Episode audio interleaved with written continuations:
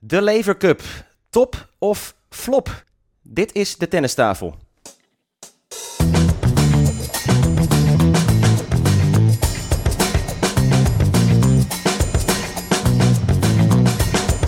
Please take your seats quickly, ladies and gentlemen. Thank you.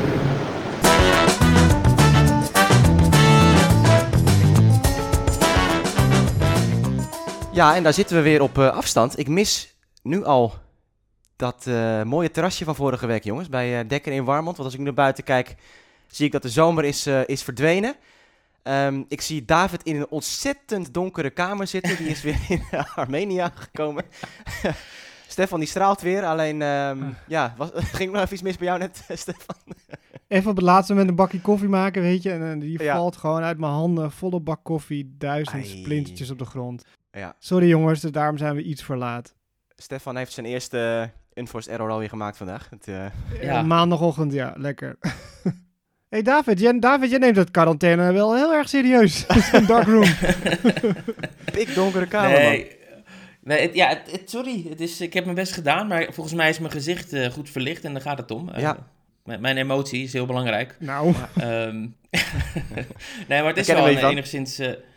Uh, goed, ik, ik, wil niet heel zuur en, en vervelend doen voor deze podcast, maar het is wel een beetje een, een zwarte dag hier oh. in Armenië, waar ik nu zit. Want één jaar geleden dat die oorlog begon, waar we het ja. wel eens eerder over gehad hebben.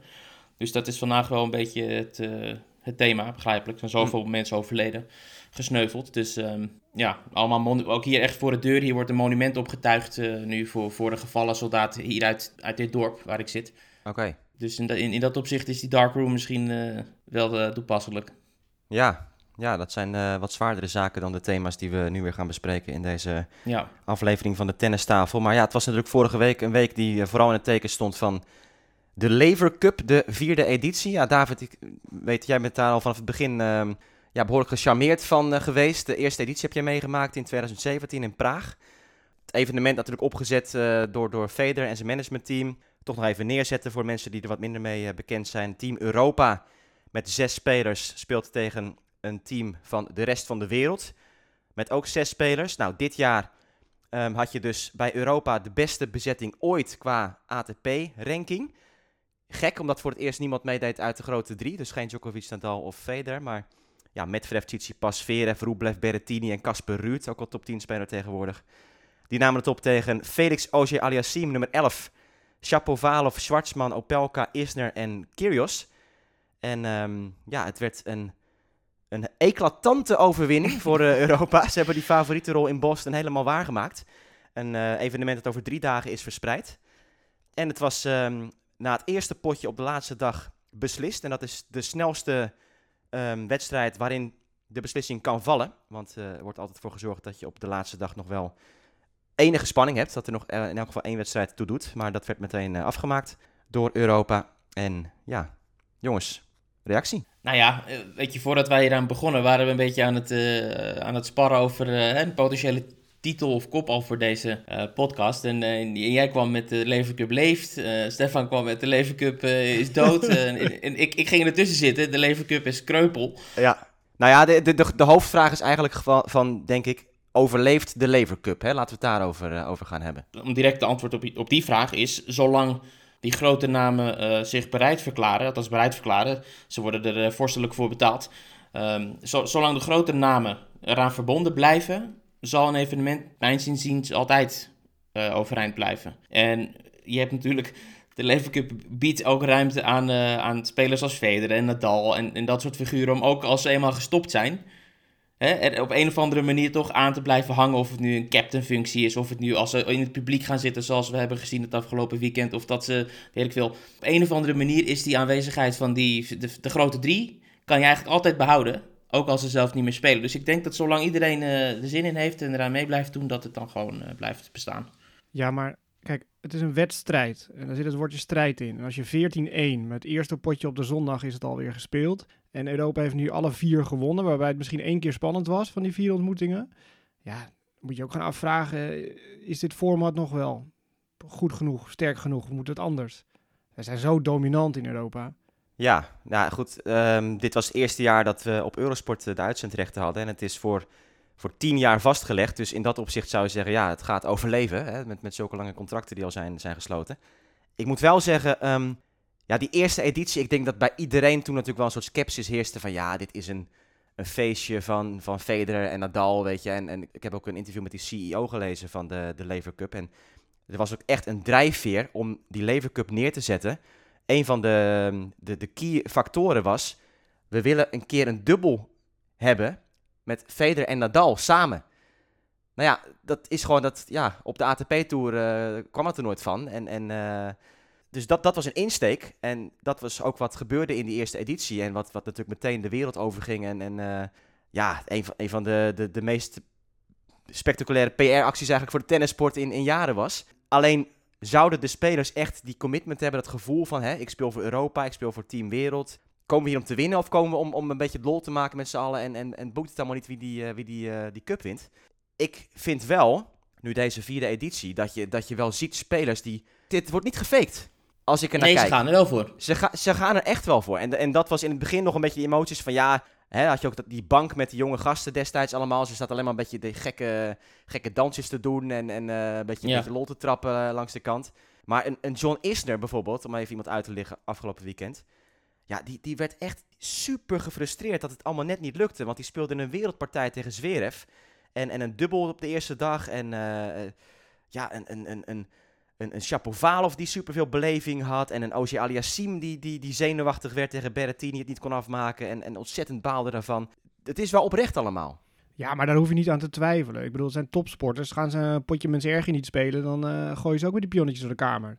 Dat zit natuurlijk wel in hun DNA, in hun natuur, om alles te willen winnen. Nee, oké, okay, maar het is geen IPTL hè, voor, echt, voor de echte insiders. Het was ook een soort Ja. teamcompetitie in december een aantal jaren in India en, uh, en omstreken. ja, maar daar kwam iedereen ongetraind naartoe. Dat, dat, Ja. dat, dat schrik ik echt nergens op. En dit is toch wel, Ja. ze zijn in vorm. En... Maar jij, zei, het is tien jaar bij de Eurosport. Maar ja, dat, ik, jullie werken voor Eurosport, dus laat ik het maar eventjes zeggen. Ik ben er helemaal niet zo blij mee. Ik bedoel, wat, is nou zo, wat is nou zo gaaf aan die Leven Cup was juist tussen de, punten, tussen de gamewissels door, et cetera. Ja. Al die interacties met de spelers. Nou, wat krijg Ja. ik? Ik krijg alleen maar reclame van eh wielrennen en motocross wat eh morgen nee, is. Nou, nee. ik heb stukjes gekeken, ik werd er gek Nee. van. Discovery Plus. Ja, nee, die heb ik ook. Dat klopt. Maar dan moet ik op mijn iPad kijken. Daar heb je gelijk in. Maar op de te- grote televisie, hè? Voor het Eens, grote bereik. Ja. Het gave is juist die interacties in het team en zo. En dat gebeurt Klopt. niet tijdens het spel. Dat gebeurt in de gamewissels. En dan moet je, vind ik, als Eurosport dan gewoon daar ook feeling voor hebben. Dat is sport. En dat is wat het zo gaaf maakt. Ik snap de reclames. Die moeten er zijn, absoluut. Maar als we wielrennen uitzenden, hebben we ook niet elke eh, vijf minuten reclame. Dus dat, dat Nee, moet anders. Maar kijk, ik zal even een voorbeeldje eh, noemen daarvan. We hadden dus gisteren de laatste dag. Er staan er in principe vier wedstrijden gepland.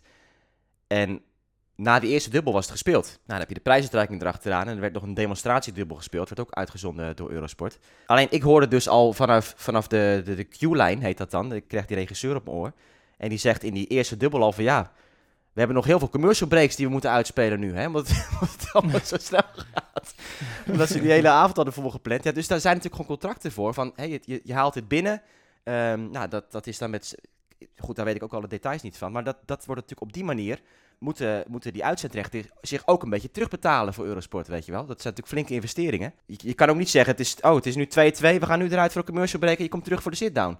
Weet je, om dat mee te maken. Dus dat blijft natuurlijk een... eh, Nee, ik snap die timing is natuurlijk verschrikkelijk. Dat is moeilijk met tennis. Ik snap het Ja. helemaal. Weet je? Ja. Maar ik zeg alleen maar om het grote publiek te bereiken en te boeien. Ja. eh, Nee, het is absoluut heb waar. je minder dat- beleving. En eh, juist die interacties tussen die dingen, dat is gaaf. En dan kan je op social media alles volgen en dan krijg je ook nog wel dingen tot je. Ja, dat vond ik een beetje jammer. Maar goed, dat is even niet anders. Ja, dat format trouwens, eh, het is wel uniek wat ze doen. Want ze doen dus de eerste dag heb je vier wedstrijden, drie singles en een dubbel. Is het steeds één punt voor een overwinning. De tweede dag, zelfde opzet, twee punten voor een overwinning. Derde dag, drie punten voor een overwinning. Dus daardoor wordt natuurlijk die spanning echt naar het eind een beetje toegebouwd. Als je los naar de wedstrijden kijkt, kijk, Berrettini, Ogier Aliassim. 6-7, 7-5, 10-8. Dat was een wedstrijd van 2 uur en 52 minuten. Wat trouwens waanzin is met een match tiebreak in plaats van een volledige derde set zo lang. Rublev wint van Schwartzman 11-9 in de match tiebreak. Eh Zverev wint van Isner 10-5 in de match tiebreak. Was echt, echt smullen was die partij. De dubbels gingen, eh, gingen drie keer naar een, naar een eh, match tiebreak. Dus de wedstrijden los waren echt wel spannend. Kijk, de enige uitzondering was Medvedev. Die wint met 6-4, 6-0. Maar verder, elke wedstrijd was echt wel een spektakel. En de fans die werden helemaal gek. Het was, was een fantastische sfeer daar in dat eh, enorme complex waar de, de Boston Celtics normaal spelen, de basketballers. Dus dat was voor Kyrgios geweldig, want hij is een, een grote fan eh, van dat team. Dus in dat opzicht was het echt wel geslaagd, als je het mij vraagt. Gewoon die beleving en, en de passie nogmaals van de fans. Die hebben daar niet gezeten van, nou, wat, we, dit gaan we nooit meer doen, zo'n kaartje hier verkopen. Dit was echt, uh, sloeg helemaal nergens op. Levercup heeft zoveel elementen die, uh, die, die leuk zijn, of die, die aantrekkingskracht hebben. Het is niet alleen dat die wedstrijden, wat Stefan zegt, hè, strijd, het moet spannend zijn tot het einde. Je hebt altijd social media gedoe, je hebt al die camera's die overal hangen, je hebt die interactie met, uh, met, met de bank. Mm -hmm. Dus Weet je, er zijn zo voor ieder wat wils, uh, bijna kan je zeggen. Je hebt Federer die in het publiek zit, uh, die constant in beeld wordt genomen. Je hebt Lever die daar rondloopt. Het is gewoon een, een totaalpakket van als een van die dingen hapert, nou in dit geval is dat dan uh, de, de, het scorebord, dan, dan is, blijft het leuk voor velen alsnog. Nou, maar het is wel een goed punt, die social media, om daar misschien even op door te gaan. Want de wereld gaat natuurlijk steeds meer die kant op. Mensen die, uh, die, die sportevenementen consumeren met, met drie minuten clipjes op, op Twitter of, of, uh, of een, een Instagram uh, verhaal of wat dan ook. en, en daar is natuurlijk de Lever Cup goud in. Met al, Ja, die, zeker. al, die, al die content doorzetten en momentjes met, met die grote gasten samen en grappige quotes en, en eh, lollige dingen vanaf de bank of, of mooie punten. Het is zo mix Nou ja, aan... of gewoon eh scheldpartijen. Ja, Zou eh Tsitsipas zich ook vermaakt hebben? Ik had niet het idee dat hij echt een teamplayer is. Nou, Tsitsipas, die, eh, die kon van zijn handen niet afblijven van eh, Feliciano Lopez. Die eh, waren hand in hand, arm in arm, eh, drie dagen lang. Ja, je hebt dezelfde kapper. Ja, Tsitsipas die pakte nog zo'n camera aan het eind. eh, ging nog even zelf foto's maken van Medvedev langs de baan. Maar dat is wel een, echt een eindselganger hoor. Dat is echt wel een eindselganger, die uh, Tsitsipas. Dat kwam nog wel naar voren, vond ik. wat voor mij een van de leukere eh, dingen was, voorafgaand. Want we weten natuurlijk hoeveel spanning er heerst tussen die spelers. Binnen die, Europese spelers. Het was een paar weken geleden dat Tsitsipas in de persconferentie op de US Open zei eh, over Zverev... eh, hè, eh, dat het eigenlijk een slechte persoon is, dat soort zaken. En dat komt dan allemaal nu eh, twee weken later in zo'n team terecht. En het is heel leuk om dan die dynamieken onderling in de gaten te houden en te kijken. En godzijdank hangen al die camera's er. Er was natuurlijk sowieso ook weer over social media gesproken, die aanloop, eh, David. Dat het verhaal van, van Zverev hè, met zijn beschuldiging van, ehm, van het misbruiken van zijn ex-vriendin. Dat hing hier ook weer flink boven, hè? O- boven dit Ja, evenement. Want, want hier was juist ook zo'n incident in 2019, de vorige editie van de Lever Cup, dat die vriendin van Zverev destijds, die was er op de hotelkamer. In Genève. Dus Ja, in Genève. En, eh, en die deed toen een, een zelfmoordpoging hè, tijdens de Lever Cup. Dat is althans de Ja. beschuldiging. Eh, dat heeft zij verteld. Dat is haar kant van het verhaal. Goed, eh, dat werd weer een beetje opgerakeld ook in de reacties eh, op berichten en zo. Nou, de Lever Cup die heeft het natuurlijk allemaal zoveel mogelijk proberen te, weg te moffelen. Dat Ja. soort zaken. Alleen, Nou ja, weg te moffelen door mensen die dat steeds te berden brachten, te blokken op Ja. social media en dat soort zaken. Ja. ja. Maar wat gebeurde er nou ook ehm, op de baan? Want de eerste dag, Zverev en Berrettini verloren die dubbel van Isner en Shapovalov. En toen zou Zverev dus aan het net hebben gezegd van... Dit is het enige punt wat jullie winnen. Jullie winnen geen punt meer deze Lever Cup. En, en dat werd toen even bij Team World op het bankje eh, gezegd. Eh, van, eh, dat is dan ook zo van, wat, wat zei die, wat zei die? Weet je wel, en nou F, F him. En weet je, I want a piece of him tomorrow en zo schijnt er, schijnt er te zijn gezegd. Dat is toen tegen Zverev wilde spelen. En nou, toen, toen zei Opelka, die zei, yeah, well, he also said he's inno- innocent. Weet je, en toen iedereen ha ha ha en Macro, ja, ja, that's true, that's true. Dus dat was natuurlijk een verwijzing naar, een, eh, naar dus dat hij ontkent dat hij, die, eh, dat, dat, hij dat, dat meisje eh, onrecht heeft aangedaan, om het netjes uit te drukken. Ja. Maar dat, dat gaf dus ook wel aan dat die gasten Zverev ook niet vertrouwen. Zo'n reactie. In die hele zaak. Maar bedoelde Zverev het een beetje prikken plagerig? Of was hij gewoon echt serieus? Want die Amerikanen die sloegen er wel op aan dus. Nou, het, het werd wel bij, wereld, bij Team Wereld opgevat van eh, die klootzak, die gaan we eens even een lesje leren. Die moest, die moest zijn mond houden. Maar hij is wel een mannetje, hè, die Zverev. Ook in voorgaande edities weet ik nog heel goed dat hij ook voortdurend bezig was met uitdagen en, en die, die rivaliteit opzoeken met, met Kyrgios en Sok en zo aan de andere kant. Ja. Dus dat, dat past een beetje bij, eh, bij de persoon. Eh, maar ik heb daar wel over nagedacht. Hè. Ik kan me voorstellen dat je als, eh als Lever Cup zijnde en als, als Team Europe zijnde, op die dag één kom je dan samen. En, en iedereen weet natuurlijk wat dat speelt en dat er allerlei vragen hangen rondom het hele Zverev verhaal. Wat is daarvoor gesprek geweest? Heeft, eh, even iedereen gezegd van mannen even bij elkaar, ik wil even hier ook een statement over doen? Is dat gewoon stilgehouden? Hebben ze het daar totaal niet over? Dat, ja, ik vind dat wel, wel bijzonder om te begrijpen hoe iedereen daarin staat. Of, of daar überhaupt over gesproken wordt. Ik denk het niet. Ik denk het niet. Want kijk, laten we eerlijk zijn. Die gasten zijn. Het is natuurlijk niet dat ze, of ze allemaal super close zijn met elkaar, lijkt me. Weet je wel? Nou ja, zo'n zo'n Rublev en, een, eh en Medvedev en Zverev, die kennen elkaar Ja, van, eh van kinds af Is ook zo, is ook zo. Maar ja, het zijn ook wel gewoon rivalen weer komende week in, eh in Indian Wells, weet je wel. Ehm, wat denk jij, denk jij, Stefan, dat daar eh teamgesprek over is geweest? Nee, ik denk dat ze dat gewoon privé laten. Wat hebben ze ermee van doen? Of Björn Borg moet het misschien ge- geopperd hebben of besproken hebben met Alexander Zverev van hey, hoe, hoe wil je dit aanpakken? Hoe zullen we dit doen? Maar ja, ik denk niet dat eh Borg denkt van laten we een heel groepsgesprek, want eh, Nee. die man die spreekt tien Nee. woorden. Ja. Ja, ik wil net zeggen, ik vind Borg een geweldige eh, verschijning. maar hij komt bij mij niet over als de meest intelligente van het stel. Nou, Rublev die speelde ook zo'n, eh, volgens mij, ik weet niet of dat een dubbel was of... In ieder geval, hij stond op... Nee, tegen Zwartsman speelde hij toen. En toen had hij op een gegeven moment voor die match tiebreak, zegt hij tegen Borg van... ehm, ja, zeg nou eens wat, weet je wel. Geef, geef eens wat advies. en dat Borg zo van, eh, ja, maar ik heb niks te zeggen, want eh, je gaat toch wel winnen.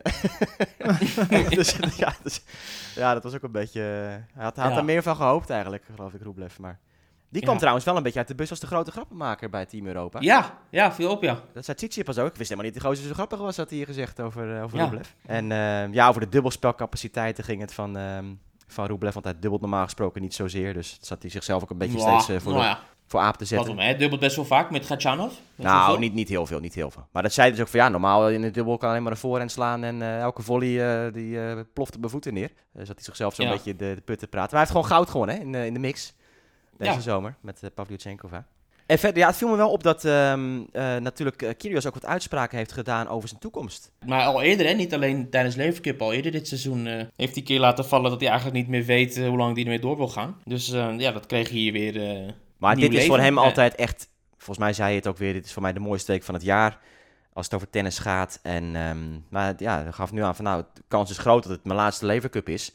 Het gaat niet goed met zijn moeder op dit moment. Ehm, dus dat is ook wel eventjes eh triest nieuws natuurlijk. Hij gaat niet meer eh, in actie komen dit jaar. Gaat zich richten op eh, de Australian Open van volgend jaar. En ja, de vraag is hoe vaak Kyrgios echt nog gaat, gaat spelen. Want in ieder geval geen 4, 5 jaar meer. Dat was wel iets wat hij even wilde benadrukken. Dus dat zal het eeuwige verloren talent worden. Nou, dan kan hij captain worden van Team World.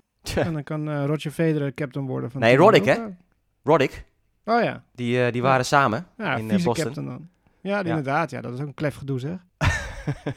nou ja, het hele Federer verhaal was klef toch? Waar die kwam en, eh, met die krukken en... eh, hij had het niet aangekondigd Ja. dat hij zou komen. En dan was het, hij zei, ja, dan is het een big surprise voor iedereen dat ik daar opeens zit en zo. Ik het was voor mij trouwens helemaal geen. eh, ik, ik zag een, een Twitter-conversatie tussen jou en een collega van ons over zou Federer komen. Ja, Nou, dat lijkt me een no-brainer dat Federer zou komen. Oké. Nou ja, ik, had, ja ik, ik dacht van... eh, met, met, ja, maar hij, hij reist toch helemaal niet zo graag nu met die covid-dingen en zo allemaal. Ach, hij heeft een privéjet in de tuin staan, die kan toch overal heen. Die heeft helemaal niks te maken met, eh, met COVID. ja, Weet jij dat hij in een privéjet eh, met, met een masker op zit? ja QR-code. Ja, Nee, maar ja. het is... Kijk, hoe je het went of keert, je kan het klef noemen, je kan het noemen wat je wil, maar die eerste dag met name kwam hij om de vijf minuten in beeld. En elke keer op dat grote scherm natuurlijk ook in het stadion. En elke keer het publiek, jongen, helemaal los, hè. En ah, het is toch... Het is wel absurd dat, dat, het zo, dat het zo iets kan losmaken, toch? Dat iemand zo, eh, ja, populair kan zijn. ja. Nee, zeker. En, en een van de andere succesformules van Lever Cup is dat ze steeds die steden opzoeken waar op zich, ja, er wordt niet echt getennist. Hè? Boston is geen tennisstad. Nou ja, van vroeger, hè. Vroeger was het echt enorm groot. De Boston eh, Longwood, nog wat club, eh, had je... Ja, nee, maar het, het punt is dat, dat heel, er zitten wel veel tennisfans uiteraard. Ja. Dus je komt vaak wel op, op plekken ook waar, eh, waar die lui niet, eh, ja, doorgaans niet komen. Eh, nu komt daar volgend jaar een eind aan, want ik begrijp Ja. dat ze in Londen gaan spelen. O2 Arena, ja. Beetje opmerkelijke keuze, wat, dat- wat dat aangaat, als, als dat je, je format was. ATP-finals zijn er net weg en dan gaan ze de Lever Cup daar volgend jaar houden, ja. Ja, Maar Stefan, eh, ja, jij, bent, eh, jij bent eigenlijk geen fan van, eh, van dit, ehm, dit format. Wat, wat, wat zijn jouw Ja, ik- verwachtingen ik- dan? Wat gaat er gebeuren? Ik vond het wel in de eerste instantie natuurlijk super gaaf. Maar vooral omdat Federer Nadal speelde, Federer Djokovic speelde. En toen, als je die puntentelling, ja, 1, 2 en dan 3 punten op zondag. Ja, dat vind ik toch gekunsteld. Dus dat, dat stond me een beetje tegen. Maar nu die grote die er niet bij zijn, ja, het heeft me toch niet gegrepen. En zeker ook het scoreverloop, dat ja, 14-1. Het was, nee, het, het, het heeft voor mij eh, een beetje afgedaan dit jaar. Oké. Dus er moeten echt nieuwe impulsen komen. Maar ja, ja, het heeft absoluut bestaansrecht. Kijk naar, er was ook nog Ryder Cup, golf. Ja. Ja, dat is huge. Dat is zo Ja. groot. En daar willen ze natuurlijk eigenlijk naartoe. Daar hebben ze het van gepikt. Mhm. Europa tegen de VS is dat altijd. Ook, eh, Ja. ook drie dagen Ja. geloof ik, hè? Ja, dat was ook dit weekend. Dus dat voorbeeld hebben ze. Dus eh, ik denk wel dat het bestaansrecht is, zeker weten. Maar ik denk wel dat Federer, Nadal en zo moeten er verbonden aan blijven. Hm. In een captainrol, in een vice-captainrol of speler nog eh, wellicht volgend jaar. Ja, Nadal die heeft al een uitnodiging gedaan hè, aan Federer. Dubbele volgend jaar in, eh, in de O2. Ja, en Amerika moet beter worden. De wereld. Of de wereld, sorry, ja. Ja, de Ja. wereld moet beter worden, ja. Ja. Ja, kijk, Europa Ja. domineert Kom op, wereld. natuurlijk. Ja, Ja, ja, ik zag trouwens een, eh, een, een Twitter-gesprek ook voorbij komen. En dat, eh, goed, ik ga wel vaker met Amerikanen om. En, en hun eh, kennis over alles wat buiten de Verenigde Staten gebeurt, is, eh, laat vaak te wensen over. Dus er waren al allerlei Amerikanen die suggereerden van waarom spelen die Russen Ja, in ja, helemaal ja, staan ja, voor ja. Team Europe? Ik voelde hem aankomen. Hè? Ja. Wij, wij, wij leren op school altijd eh, dat Rusland eh, Azië is. Dus Ja. die moeten voor Team World spelen. Nou ja, als al die gasten het Ja. Vladivostok komen, dan, eh, dan, dan zou je het Ja. kunnen verdedigen. Wat wilde ik nou nog zeggen? Ehm, oh ja, trouwens, die, die kaartverkoop, hè, want het was natuurlijk zo dat vorig jaar ging de editie niet door. En iedereen die toen kaartjes had, kon ze gebruiken voor dit jaar. Nou, het was volle bak drie dagen lang. En toen zag ik ineens een opmerking voorbij komen van ja, het was volle bak. Maar hoeveel van die mensen hebben vorig jaar die kaartjes gekocht, weet je, met oké, Federer gaat spelen, Nadal gaat misschien spelen voor Team Europa. Hè, en dat dat natuurlijk de grote, grote trekpleisters zijn geweest. Zouden ze dat nu ook hebben gedaan met Medvedev als kopman bij Europa en eh OJ Aliassim als kopman bij Team Wereld? Dat vond ik wel interessant. Want dat is natuurlijk wel het... Je merkt nog niet echt het effect nu van dat die gasten er niet bij zijn geweest in die kaartverkoop. Want dat is allemaal doorgeschoven, het grootste deel. Nou, ik denk het niet. Kijk, als je naar Ahoy kijkt, die, die, die is ook gewoon uitverkocht. Zonder Federer of Nadal. Ja, nee, oké, maar dat is natuurlijk gewoon een jaarlijks, jaarlijkse happening en een soort, soort moment hè, van, eh, nou, ook voor bedrijven om te netwerken. En nou, ja, het is weer Ahoy, we gaan weer naar Ahoy, leuk dagje uit. Dat is een soort jaarlijkse routine, denk ik. En dit natuurlijk van, hup, je gaat naar een stad toe. Dus je moet echt eenmalig daar pieken. En dan moet je mensen triggeren, een nieuw publiek. En als je dat moet doen met, met, ehm, met Opelka, Schwartzman en Isner en, eh en Rublev, Berrettini en Ruud, dat is wel wat lastiger, denk ik misschien. Wat heeft, e- dan moet het evenement moet die, moet die pool hebben. Dat mensen denken, ook oh, ik ga voor de Lever Cup. En ik ga niet voor die spelers. En dat is natuurlijk nu nog wel erg pril, denk ik. Dat klopt, maar nogmaals, als je, als je de Federers en de Nadals van deze wereld eraan Nou ja, laat nee, hangen... nee, natuurlijk, precies. Maar dat zeg ik, als die dus niet er zijn, zoals dit jaar. Nu heb je Nou, maar die zijn er dus wel, want Federer zit in het publiek. Ja. Maar, we gaan, ja, we gaan naar het stadion beetje- om, eh, om Federer in het publiek te zien zitten. Ik denk dat de meeste mensen misschien ook wel verwacht hadden dat hij dit zou zijn. Hoor.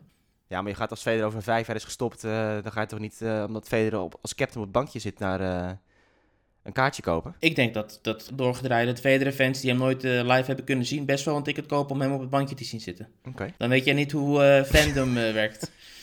Oké, dus jij denkt dat die Amerikanen daar zitten niet voor Team World, maar om Federer in het publiek te zien? Oh, 100%. Nou ja, niet in het publiek, hè, op de baan. nee, nu in Boston. in Boston. ja. Zouden ze dan niet hun eigen team aanmoedigen, maar dan voor Federer zijn? Ja, natuurlijk. Die mensen komen, die mensen komen om Federer te zien spelen. Ja, maar als je daar in Boston, dan heb je toch eh, Team eh, World eh, shirtje aan. Nou, Wel nee. Nou ja, dat is, dan gaat het dus mis. Ja. Want dat is dus de eer verdedigen van onze Europeanen tegen de rest van de wereld. En als je nu zegt jullie van, dan is het gewoon een regulier toernooi. Je bent voor die speler of voor die speler, ongeacht wie die vertegenwoordigt dan. Nou, maar je kan natuurlijk wel nou, voor Team World het zijn. eh, geen bestaansrecht meer. Je kan natuurlijk nog steeds wel voor Team World zijn, maar in feite, je wil Federer zien spelen, denk ik. Ja, en dan wil je Isner zien winnen van Federer. Nou, dan misschien wel dan. Tenzij je echt gewoon Federer-fan bent, want er zijn natuurlijk zat, wat David zegt, Federer-fans die, eh, die niet voor, voor nu ineens omdat Team World speelt tegen, tegen Federer gaan, gaan juichen. nee.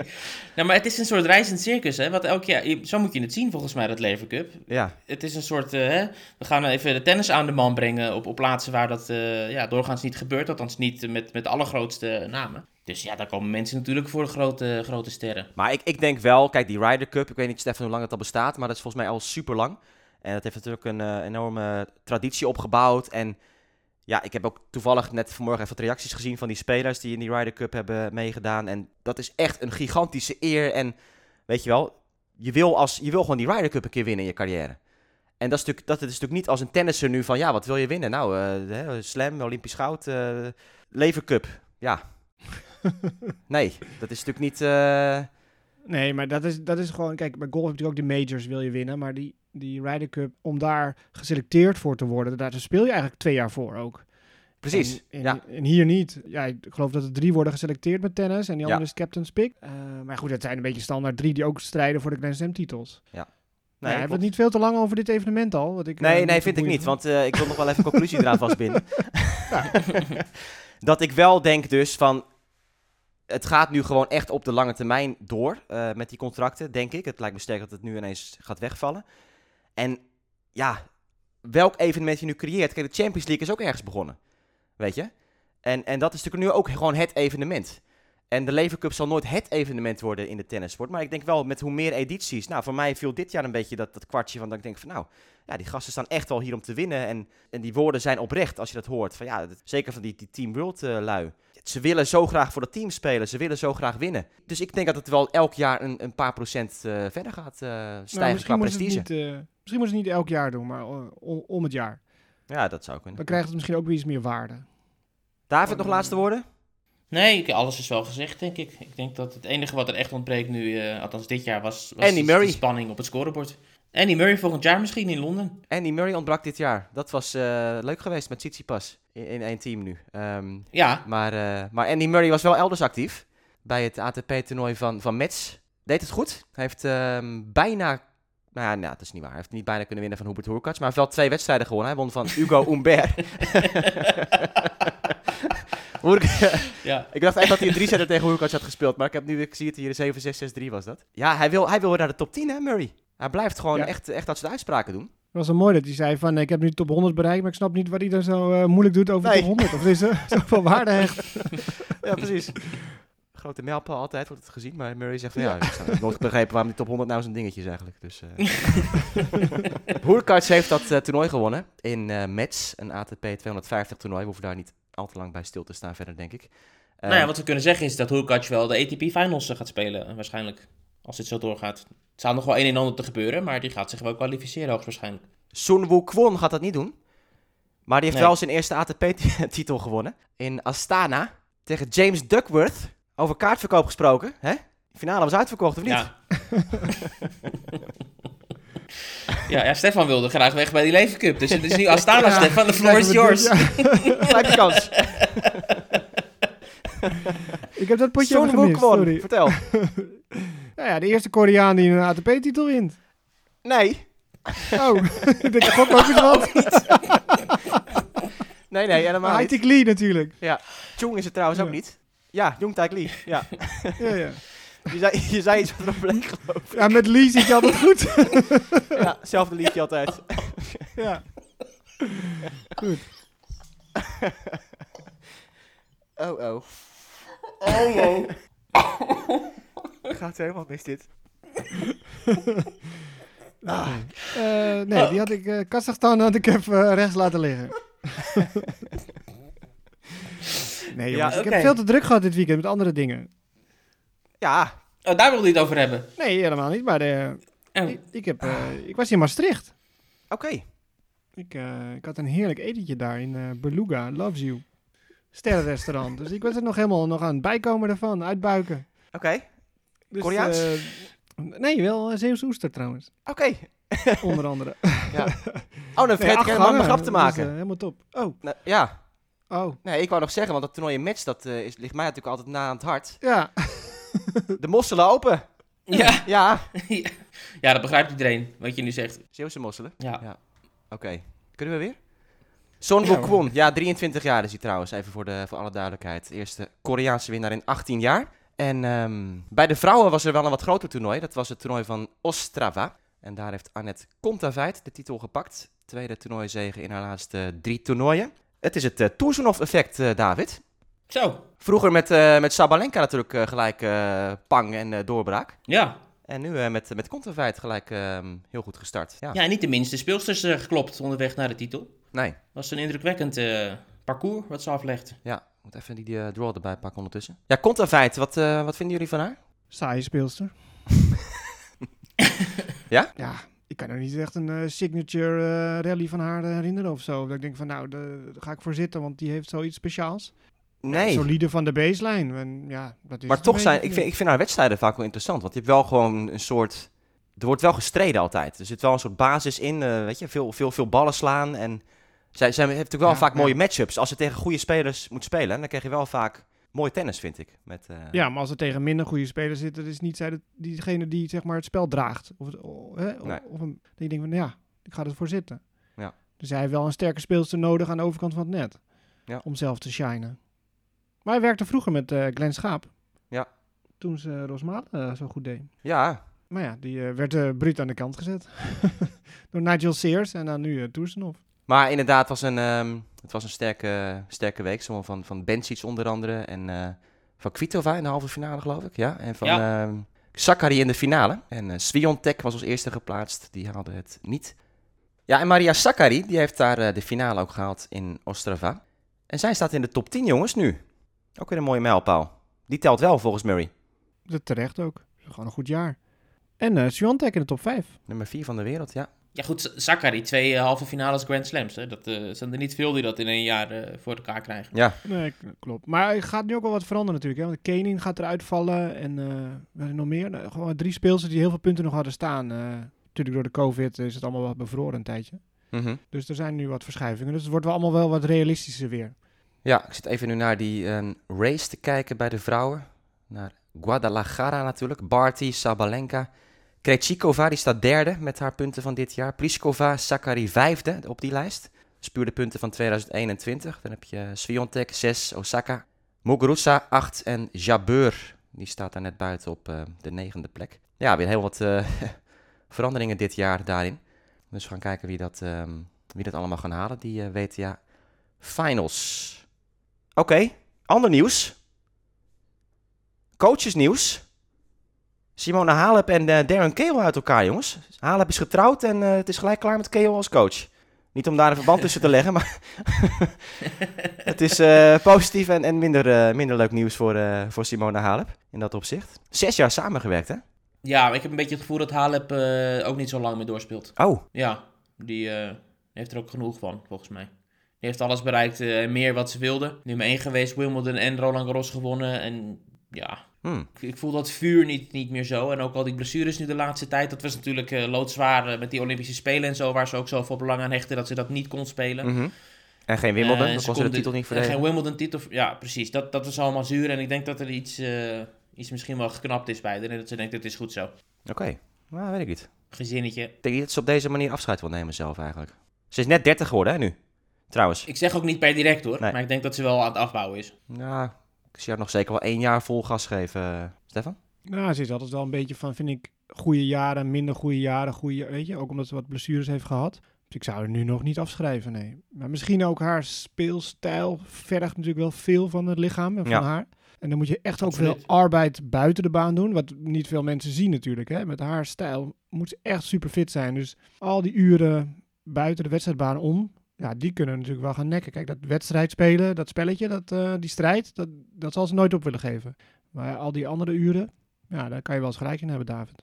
Maar wat Maar ik ook weer zo wat- klef, sorry, wat ik zo klef vond, dan gaan ze uit elkaar. Nou, dat zet dan, eh Halep zet het op Instagram of op Twitter. Nou, logisch, dat is een nieuwsbericht. En dan krijg je zo'n Cahill die dan zo'n uber kwijlerige tweet plaat hoe geweldig het samenwerking was. En dank je wel voor al die mooie jaren. Dan denk ik, ja, weet je, zeg dat via de telefoon en, en niet via Twitter. Ik vind het wordt er zo misselijk van. Moet jij verplicht te veel romantische films kijken of zo, Stefan? Of, eh, Ja, maar- jij, vindt- jij vindt dingen zo, zo snel, zo klef. nee, maar dat doe je toch alleen maar voor de bühne. Ik vind het echt, ik, vind, ik begrijp het niet. Die hebben altijd wel zo'n beetje zo'n relatie gehad. Hè, over hè, van elkaar beter maken als mens en dat soort zaken. Dat, dat was een beetje een rode draad wel door die, eh, door die samenwerking. En, en hoe hij haar ja, echt eh, bepaalde levenslessen heeft bijgebracht en dat soort dingen. Dus het is een, een logisch einde van, de, van die relatie zoals het gegaan is. Maar ik, eh, ik sluit me volkomen aan bij, eh, bij jouw opmerking.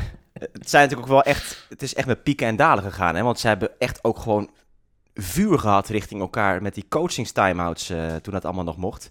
Ehm, en en eh Cahill die, die wel eens boos wegliep gewoon, hè? kwam die op de baan en zat, zat Halep met zo'n eh, zuur gezicht. En eh, nou, wilde niks zeggen. En Cahill dacht van, nou, bekijk het maar. Liep die, liep die weer weg. En ze zijn ook een, een periode uit elkaar geweest. En ehm, ja, toch weer goed gekomen. Dus die hebben echt wel ehm, ja, een breed eind van het eh, spectrum gecoverd wat alle emoties betreft, onderling. Mag ik een brug maken Oh, met jouw eh toestemming? ik wil alleen nog even zeggen dat Halep nu 15e staat. Dus die is inderdaad al wel een aardig eindje ook Ja. weggezakt. Maar ja, ga door. Ja. Wat natuurlijk ook kan, is dat dit een gebaar is van Halep richting haar soort van landgenote Emma Raducanu. Hey, Hè? Dat zij Cahill gunt aan Raducanu. Ik hoopte inderdaad wel dat we daar naartoe zouden gaan. Want dat is het andere grote coachingsnieuws geweest van deze week. Ja, Emma Raducanu wint de US Open met een eh, Britse coach van de LTA. En vindt nu dat ze iemand nodig heeft met meer ervaring in ehm, het wereldje eigenlijk. Hè? En ook eh, iemand, eh, volgens mij het liefste met, met echte ervaring op hoog niveau zelf gespeeld. Hè? Dat ze daar naar op zoek gaat. Doe eens wat suggesties dan. Ehm, Darren Cahill eh, schiet me ineens te binnen. Ja. Het, ja. Nou ja, ik zie Wim, Wim Vicet, onze grote hopper. Ja, die, ja, die zal, ook wel, die zal er wel graag induiken, denk ik. Ja. Ja, toch? Die, Maar goed, Osaka heeft gezegd dat ze er weer zin in heeft. Dat Ja. zag ik ergens voorbij komen. Dat hij weer straks fris op de baan gaat staan. Niet per se om te winnen, maar gewoon weer op de baan te staan en te genieten ervan. Dus Geen Indian Wells. Dat is ook iets nieuws, Stef. eh, wat, wat jij ongetwijfeld in, eh, in de Clef-rubriek eh, eh, zal parkeren. is Moeten we dit een vast onderdeel maken, jongens? Misschien wel leuk. Gewoon elke, elke week even, even de kletrubriek. begin- Ja, Even voor ja. Stefan. Ik, Ja. zie, ik zie dat steeds, steeds op social media nu voorbij komen. En Osaka en Stevens ook van, hè, elke ochtend dat je wakker wordt is een zegen. Ja. We kunnen ook elke week een tweet van Arne Ivanovic oplezen dan misschien. Oh, oh, oh, oh, oh. jongens, jongens, jongens. nou ja, elke avond dat ik in slaap val is een zegen. Ja, Nou ja, maar Vicet, ik, ik zit even na te denken. Ik zie dat nog wel gebeuren ook. Dat, dat, gewoon, dat Osaka echt weer een fris- frisse start wil maken straks. Dat ze zegt van nou, dan ook een andere coach. Ja, Darren Keel.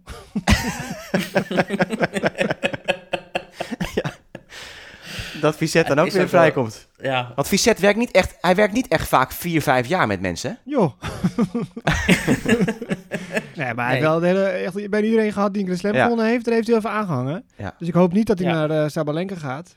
Daar moet hij vanaf blijven. Maar, Oh, wow. eh, Maar het kan ook zijn dat, eh, dat Darren Cahill de nieuwe coach wordt van Kim Kleisters. Vandaag speelt ze, misschien al waarschijnlijk weer voordat eh mensen luisteren naar deze podcast. Vandaag in Chicago komt zij in actie tegen Shea. Ja, Dat is wel een eh, aardig potje om binnen te komen. Dat wordt hoop meters maken. Dat is wel goed voor haar.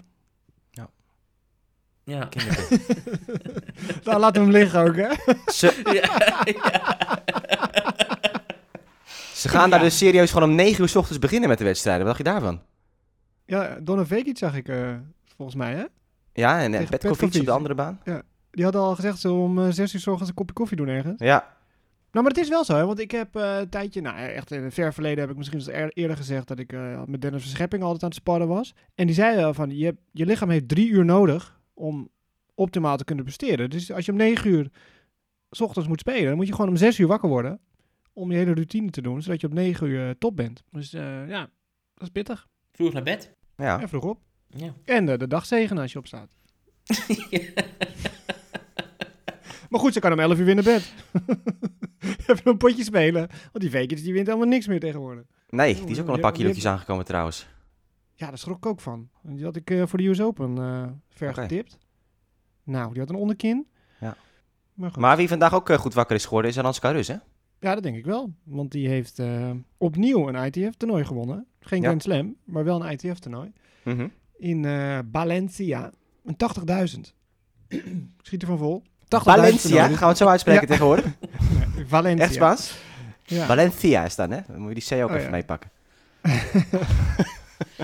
Ehm 80.000 dollar toernooi. Dat is het grootste toernooi eh, van het jaar voor haar. Ze won al eerder twee 60.000 toernooien op Gran Canaria. En nu dan een 80.000 erbij. Van uh, Michaela Buzarnescu. Ja, daar verloor ze van, hè? Dit ja, daar heeft ze er nog nooit van gewonnen, tot gisteren.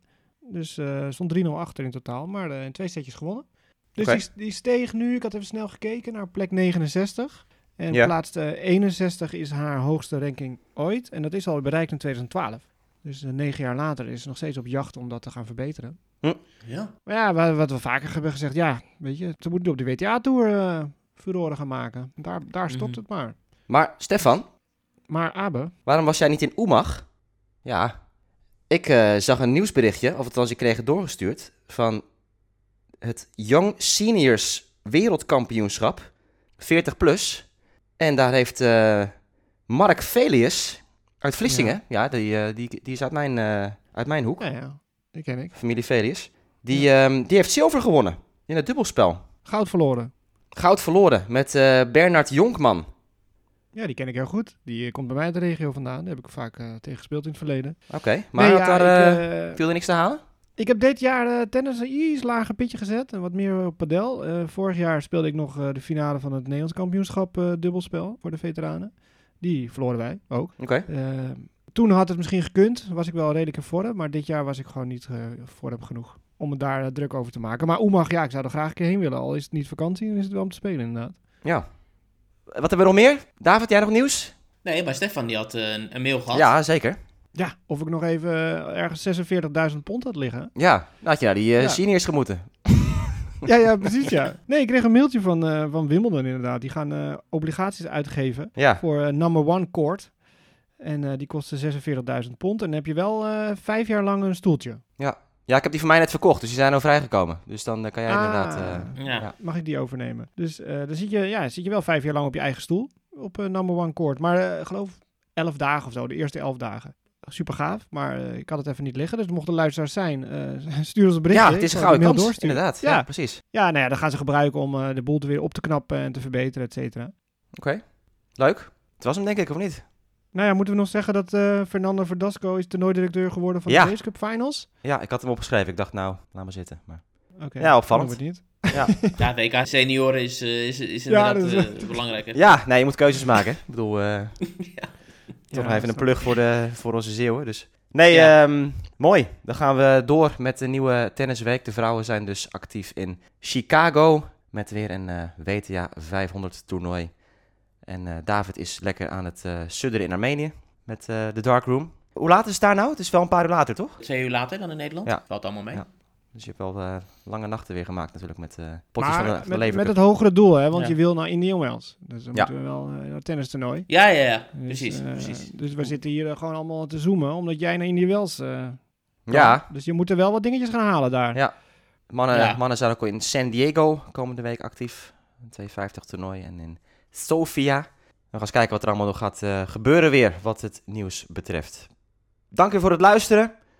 Volgende week zijn we terug met eh, meer eh, hele serieuze opnames van eh, de tennistafel. Graag tot dan.